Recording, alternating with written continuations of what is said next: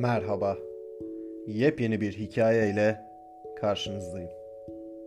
Hikayemizin ismi Yalnızlığın Resmi.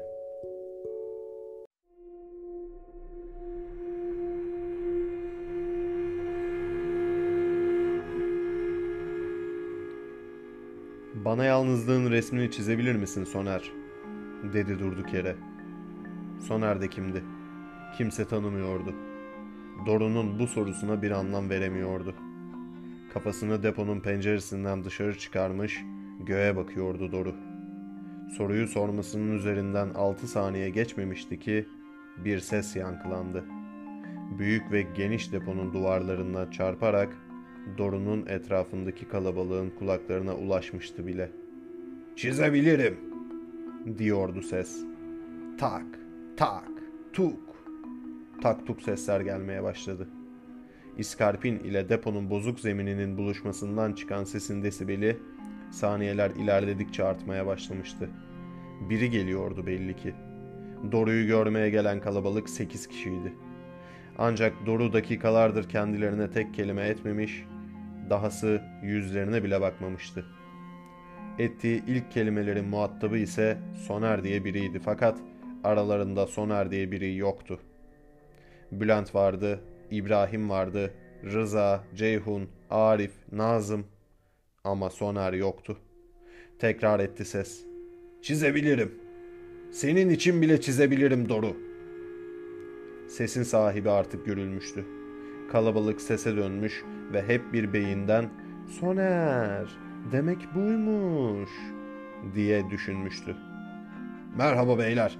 Benim adım Gök. Siz kimsiniz?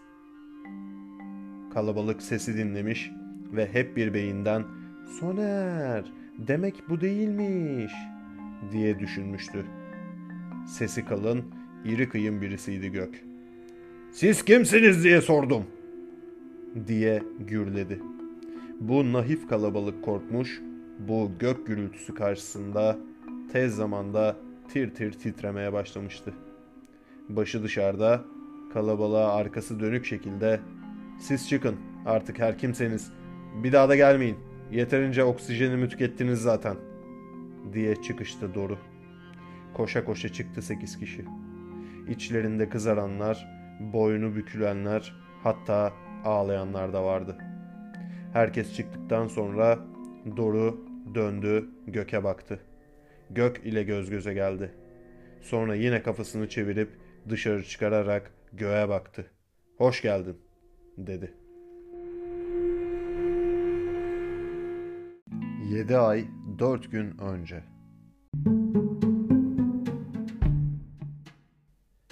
Üniversitede geçirilen 3. yıldı. Hala ne bir proje ne de bir deneye katılabilmişlerdi.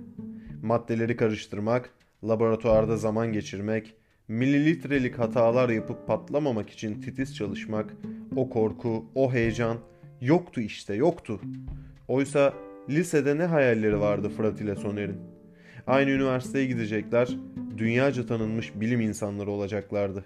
Tüm gün proje hazırlayacak, deney yapacak ve o bulunamayan ne kaldıysa artık her neyse o onu bulacaklardı. Tabi bu megali dağlarından bazı eksiklikler yok değildi. İlk eksiklik bu bilim aşkıyla yanıp tutuşan bir Tesla, ne bileyim bir Albert Einstein, bir Mehmet Sancar olmak isteyen bu iki genç sözelciydi. Tamam, Anadolu Lisesi kazanmışlardı ama sözelciydiler işte. Yani kimya, fizik gibi alanlara, kimya, fizik gibi alanlara yakın olan karşı cinse oldukları kadar yakın değillerdi. Diğer bir ufak problem ise üniversitede okudukları bölümün sanat tarihi olmasıydı.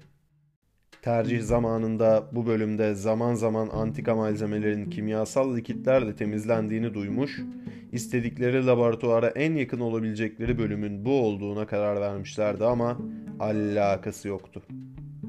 İlk iki seneleri bölümü okurken yeniden üniversitelere giriş sınavına hazırlanarak geçmişse de hiçbir şekilde laboratuvar kullanan bir bölüme girememişlerdi. Soner asker bir babanın son oğluydu. Üç kardeşlerdi.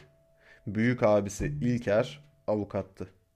Aralarında iki yaş olsa da aile arasında abla diye seslendiği Ergül, genç yaşında bir as subayla evlenmiş, kariyer yapmamış ama çocuk yapmıştı. Soner ise son çocuktu işte. Küçüklüğünden beri evde askeri bir disiplinle büyümüş, kaslı maslı, sakalsız, kısa saçlı bir genç olmuştu. Geceleri erken yatar, sabahları erken kalkar, yemeğini düzenli yerdi. Titizdi, meraklıydı ama her zaman temkinliydi. İnanılmaz zeki biri değildi. Yine de zekası kendisine yetiyordu.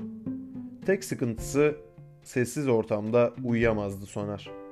Geceleri yattığında ses yapsın diye bir şeyler açar, öyle uyurdu. Düzensiz sesler uykusunu kaçırdığından genelde sohbet dinlerdi. Konunun ne olduğunun önemi yoktu. Tek düze bir ses yeterliydi uyuması için. Zaman içinde tarih sohbetlerini yer yer konu ateşlendiği için desibelin yükselmesinden ötürü dinlememeye karar vermişti. Eğlenceli sohbetler tam uyuyacakken kendisini güldürüyordu bazen. Bu sebeple eğlenceli sohbetleri de eylemeye karar verdi. Diğer tüm görülecek bir şey olmayan kayıtları denedi. Hepsini dinledi. En sonunda sesli kitap dinlemeye başladı. İşte bu demişti ilk keşfettiğinde. Tek düze ses. Masal dinlemek gibi. Ninni gibi. Hangi kitabı dinlediğinin önemi yoktu. Yeter ki tek düze olsun. İşte Soner'in hayatını değiştirecek karar da buydu. Yine yatmaya hazırlandığı bir gece bir roman dinlemeye başladı Soner. Romanın konusu bilim aşığı iki gencin başından geçen maceralardı.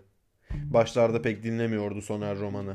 Uykuya dalana kadar 3-5 dakika kulak kesiyordu sadece. Ertesi gün hatırladığı yerden yeniden dinlemeye başladı. Ertesi gün 5-10 dakika dinlemeye. Bir yandan da hayal etmeye. Soner uyuduktan sonra kitap okunmaya devam ediyor. Uyuyan Soner'in bilinçaltında geziniyor. Soner'i rüyalarında bambaşka dünyalara sürüklüyordu. Günler geçtikçe Soner daha uzun süre uyanık dinlemeye başladı romanı ve sonunda bitirdi. Gözü açık olarak ilk kez romanı bitirmişti belki ancak uyurken her seferinde roman bitiyor, baştan başlıyor ve Soner uyanana kadar neredeyse tamamı bir kez daha bitiyordu. Uyanıkken bir kez bitirdiği romanı uyurken 37 kez dinlemişti Soner. İki bilim aşığı gencin hikayesi farkında olmadan Soner'in zihninde yer yapmıştı ve kendisini dışarı atacağı günü bekliyordu. Devam edecek.